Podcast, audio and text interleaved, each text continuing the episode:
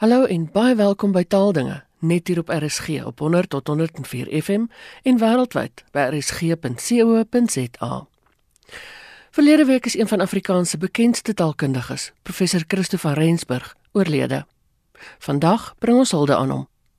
Ek het twee bekendes, professore Ernst Kutse en Wannie Karstens, oor hom uitgevra. En later luister ons na 'n uittreksel uit 'n vroeëre program waarin professor van Rensburg praat oor die wortels van Afrikaans.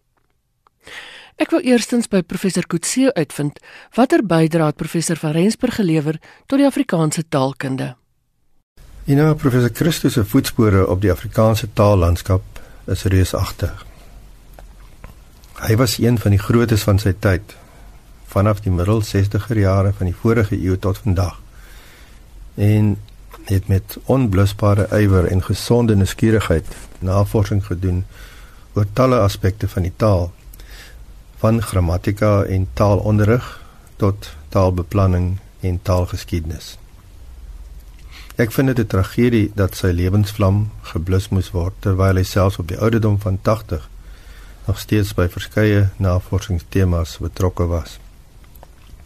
Die omvang van sy invloed veral op navorsingsbelangstelling in ons taal kan moeilik gepyl word. Geslagte van studente sal daarvan kan getuig om 'n aanduiding te gee, net sy taalkundige publikasies was omtrent 200 in totaal. Daarbey sal sy kollegas van wie hy gewoonlik ook vriende gemaak het, die van ons wat agterbly, die groot leemte wat sy dood laat met hartseer en gevoel van verlies ervaar. Waarom was sy fokus op taalvariëteite so belangrik vir Afrikaans? In die Afrikaanse taalkunde was hy een van die baanbrekers wat die waarde van taalvariëteite vir die omvattende studie van Afrikaans erken en daadwerklik ondersoek het.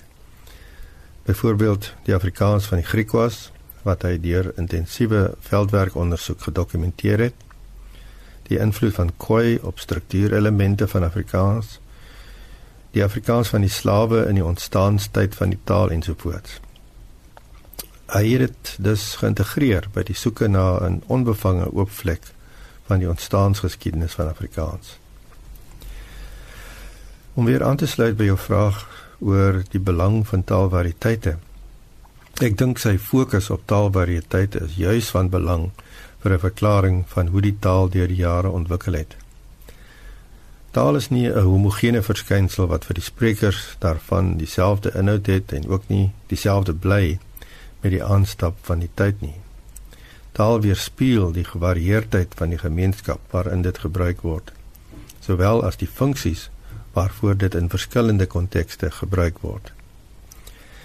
Hierdie insig het in die 60er jare deurgesyfer na taalstudie in Afrikaans met die werk van die Amerikaner William Labov in die sosiolinguïstiek wat 'n stimulus was vir ons hier in Suid-Afrika om taalvariasie as 'n gegewe te aanvaar en sistematies daaroor navorsing te doen. En as vriend en kollega?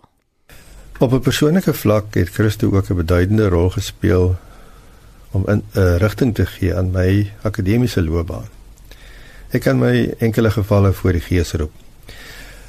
Ehm um, as 'n Humboldtianer wat sy navorsingsbeurs ontvang het vir studie aan die Universiteit van Marburg, het hy my destyds by 'n kongres van die internasionale germaniste vereniging in Göttingen aangespoor om ook by die van Humboldt stigting betrokke te raak. 'n Ongelooflike en verrykende ervaring. En eendag uh, tydens 'n gesprek by Fritz Bonelis aan huis, toe ek in die versoeking was om die Afrikaanse taalkunde te verruil vir die algemene taalwetenskap, het Christo my met groot oortuiging daarteen laat besluit. Dit het net sy passie vir die studie van Afrikaans as taal onderstreep en my laat besef wat die waarde daarvan is ook as akademiese ondersoekterrein. Een laaste herinnering, hy was 'n meesleurende gespreksgenoot.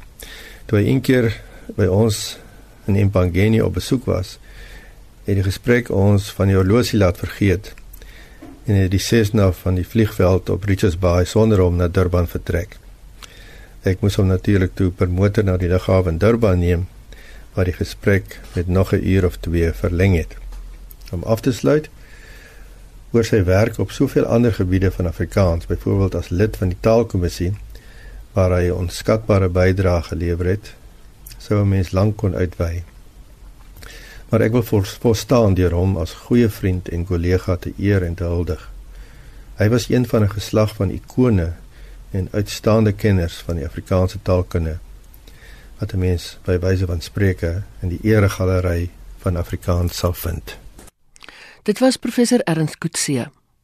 Professor Wannie Karstens onthou professor van Rensburg so.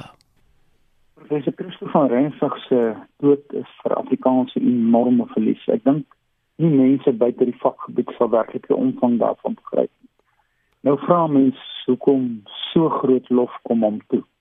Gewoon omdat dit wat hy gedoen het vir ons nuwe weë vir Afrikaans oopgemaak het. Ons het nuwe dinge begin sien, goed wat versweef was, waarvan ons nie bewus was nie. En hy het gaan krap en gaan soek met die wonderlikste bevindinge na vore gekom. En een van die resultate hiervan is sy werk oor die historiese variëteit in Afrikaans. Toe hy hier in die 80er jare daaraan begin werk het, het ons nie een geweet wat werklik die waarde daarvan is. Maar vandag weet ons dit en dit vorm vir ons duidelik die basis van die die storie van die huidige sinkroniese variëteite. Ons kan dit distingueer, dis ongelooflik. Maar die ander aspek in die akademie is werk wat hy die laaste 8 jaar gedoen het. En dit is toe hy begin het met navorsing vir die boekie So kry ons Afrikaans. En uh, met hierdie boekie het die Afrikaanse Taalraad hom gevra om vir ons 'n uh, weergawe te skryf waarin ons bietjie ook 'n korrektief skryf op die bestaande weergawe van die geskiedenis van Afrikaans. Want daardie geskiedenis was nog redelik wit georiënteerd. En hy toe met sy kundigheid en hy enorme kundigheid en die vermoë om terug te kyk na wat reeds geskryf is oor die jare, het hy vir ons hierdie boek gaan sit van omtrent 150 bladsye. Hierdie boek het wat soveel mense met nuwe oë na Afrikaans begin kyk. Daarin het hy geskryf van Khoi Afrikaans, hy het geskryf van Veeboer Afrikaans. Hy wonderlike wonderlike goed. En dit het hy opgevolg met etlike artikels. En die lekkerste is die afgelope paar maande het ek in huis sit en e-pos voer want hy pas hierdie boekie so kry ons Afrikaans hersien. Dit behoort hier in September uit te kom uh, onder 'n nuwe titel van Afrikaans gepraat. Maar in hierdie boekie is daar 'n kaart waarin hy spesifiek verduidelik hoe die veeboere getrek het en natuurlik ook hoe die koei getrek het. En uiteindelik waar hulle bymekaar gekom het en waar hierdie bymekaar kom punt dan van Afrikaans kom. En dit het hy dit was ook vroeë Afrikaans genoem. Gelukkig was hy klaar met die kaart en ek is bly ons gaan dit hê. Maar dit is net om te illustreer daardie vermoë wat hy gehad het om as 'n gedie akademikus diep diep te krap en te soek totdat hy gevind het. Ehm um, ons het nie altyd besef wat hy regtig gedoen nie en nou het ons die kans om daarop terug te kyk. En dan natuurlik is 'n mens bly dat hy in hierdie jaar ook voorreg was om twee enorme toekennings te kry. Eerstens natuurlik die uh, ja ja maar maar hy uh, prys uh, vir uh, Afrikaanse publikasies. Hmm. Uiters uiters gesog opgepaard maande met 'n redelike stewige finansiële beloning.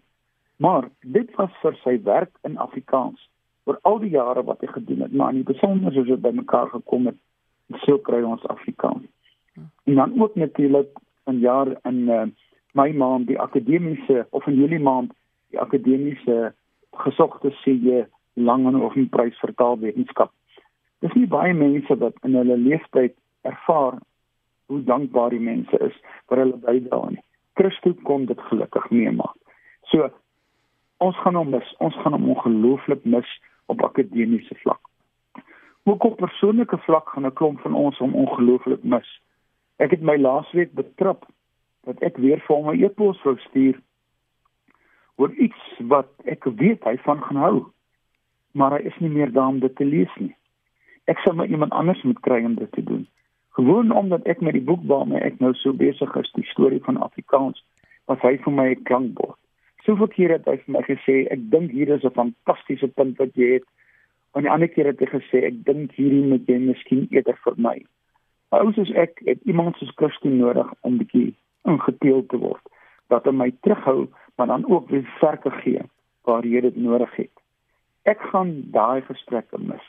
Ek gaan ook mis die feit dat ek gereeld as ek op Klerksdorp besoek afgelê het, het ons weer lekker ontbyt geëet en dan taalkunde gepraat. Ek was verlede jaar in die hospitaal in Klerksdorp vir 'n operasie. Die Christen met kon kuier en ons het taalkunde gepraat. Hoe wonderlik kan dit nie wees nie. Met ander woorde, ons verloor 'n vriend, 'n mentor vir vir Karin en maak jy 'n pa, 'n oupa en natuurlik hy was 'n besondere innemende mens. En dan laastens in my eie studie ek het Christo ongelooflike rol gespeel. Ek was nog 'n jong dosent aan die Universiteit van Kaapstad en was op soek na 'n tema vir my doktorale proefskrif.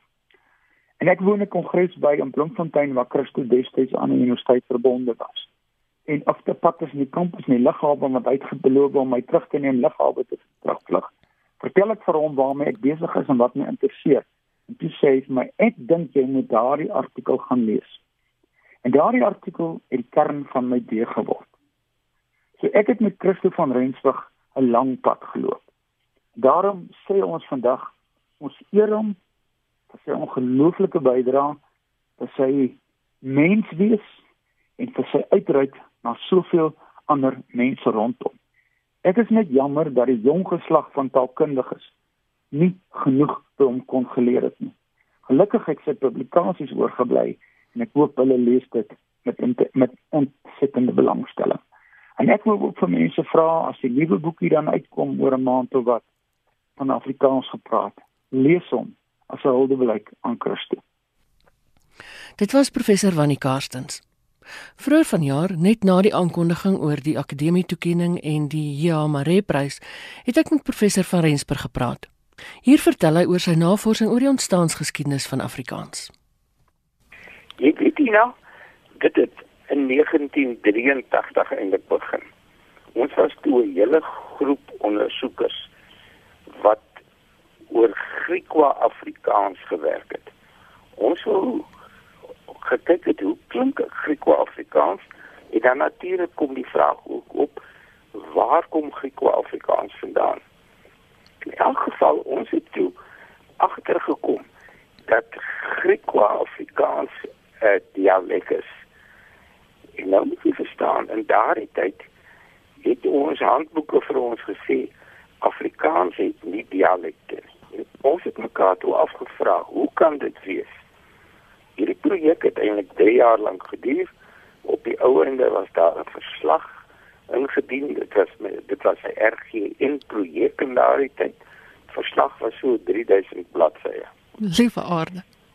En ons het toe agtergekom dat hierdie Afrikaans het 'n koi onderbou. En dit kan nooit gewees het dat al die soorte Afrikaans uit Nederland uitkom soos wat ons wel geleer het nie. Hierdie Afrikaans het anders ontstaan. Hierdie Afrikaans was koi-sprekers wat Nederlands wou praat. Later dan het ek agtergekom ook na aanleiding van werk wat professor Gawe Nienaber gedoen het dat dit al 50 jaar voor die koms van van Riebeek begin het. Toe die koi-sprekers wat in die Kaap gebly het. Besoekende skeepvaarders raakgeloop probeer om rondom koop en verkoop met mekaar te gesels. Van die skeepvaarders het hierdie koei se woorde opgeteken. Daar's 'n hele klomp woorde wat al presies Afrikaans is. In daardie tyd begin. Woorde soos môre sonder die g daarin van Nederlands môre woorde en om om by koei te pas het hulle woorde gebruik sonder 'n eindklank eindkonsonant hand vir hand. En mens hoor vandag nog in die Kaap geld vir geld by party sprekers so het hulle ook brood vir brood gesê. En rondom daardie woordkerne het hulle hulle eie woorde gebou koei weer agter mekaar daar agter gesit brood het hulle met die agtervoegsel kwa aangevul en dit het beteken verskillende soorte brood en skepsbeskuit en wat hulle nog gehad het. Omdat hulle klapklanke gemaak het, het die koei die lug ingesuig en deur die neus vrygelaat. Dit beteken dat hulle woorde soos gensbok, gensbok. Daardie tyd is daar ook al uh is daar 'n hele klomp woorde opgeteken met hierdie noem op die einde vir nasalering. Lucerne is ook een van die voorbeelde. Nou daar is altyd 'n rede waarom mense anders begin praat. Daardie rede hou verband met ander mense wat ander tale praat. Met die tyd het die Khoi-taal in onbruik geraak. En het die Khoi-sprekers hulle eie Afrikaans, Khoi-Afrikaans gepraat. Die implikasie is daar het dus twee soorte Afrikaans al lank al begin begin. Jy kon al lank al twee soorte Afrikaans hoor. Die een met 'n Khoi onderbou, 'n ander ene met 'n Nederlandse onderbou. Nou dink mens dat die die Afrikaans met die Nederlandse onderbou. Eh Nederlands is wat hier aan die Kaap gepraat is. Maar dit is heel waarskynlik nie die geval nie. Ondersoekers het later agtergekom wanneer Nederlands in kolonies gepraat is en daardie Nederlands lyk soos die Nederlands van Nederland dan is daar eintlik net een kolonie waar dit plaasgevind het. Dit was in Noord-Amerika. Daar het groot getalle Nederlandssprekendes omtrent in dieselfde tyd as wat van Riebeeck hulle na toe gekom het, daar aan land gegaan. Ja. Hulle het ook vir omtrent 300 jaar daar Nederlands gepraat. Die ander kolonies, daar het dit anders gelyk. Uh in Suriname en aan die Kaap was daar maar min mense wat Nederlands gepraat het. Die matrose en soldate het uit al die uithoeke van die aarde gekom. En hulle het so aangepaste Nederlands omdat Nederlands die bestuurstaal was met mekaar gepraat. Nou moet mens kyk wat was die taalsituasie aan die beginjare van Afrikaans. Jy het hierdie goeie Afrikaans gekry en dan het mens ook die Afrikaans gekry wat 'n Nederlandse basis gehad gehad het. Daar was 'n klein groepie middelklas Nederlands sprekendes wat vir die administrasie aan die Kaap verantwoordelik was. Hulle het goed Nederlands gepraat. Maar nou moet mense onthou die Kaap was 'n de mekaar stadjie waarin mense alle soorte omstandighede en mense gekry het. Karel Skooman vertel een van sy boeke. Hy het 'n interessante voorbeeld genoem van 'n slavin wat getroud was met 'n ambagsman. Nee, sy was nie getroud nie. Sy het saamgewoon met 'n ambagsman wat uit Oostenryk gekom het en wat 'n vryburger geword het. En hulle het 'n kind gehad maar die slavin het ook weer behoort aan 'n ander man wat 'n ander taal gepraat het. Nou kan mens jou net voorstel dat die begrip van verskanste tale in hierdie klein mikro voorbeeld heeltemal anders is as wat 'n mens jou kan voorstel dat jy mense kry wat hierdie taal en daardie taal duidelik afgebaken praat. Hierdie was eintlik 'n soort township omgewing ook. En dan kom 'n taal tot stand wat nie fleksie vertoon nie. Dit gebeur op baie ander plekke. Grammatikale diferensiasies te hou as hulle dit kan weggooi nie. En dit is die Afrikaans wat ook in die Kaapse verversingspos ontstaan. Dit is baie interessant om te sien wat daarna gebeur het. Uh die einde van die 17de eeu nadat van Riebeeck hulle 50 jaar hier was. Toe het beide die sprekers wat Khoi as 'n basis gehad het en die sprekers wat Nederlands as 'n basis gehad het in die binneland in begin trek.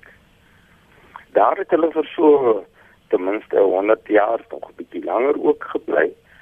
Nou kan jy dink hoe hulle mekaar beïnvloed. Ja. Die oor en weer beïnvloeding kon mens duidelik raak sien. Dit het baie van Nederlands verskil.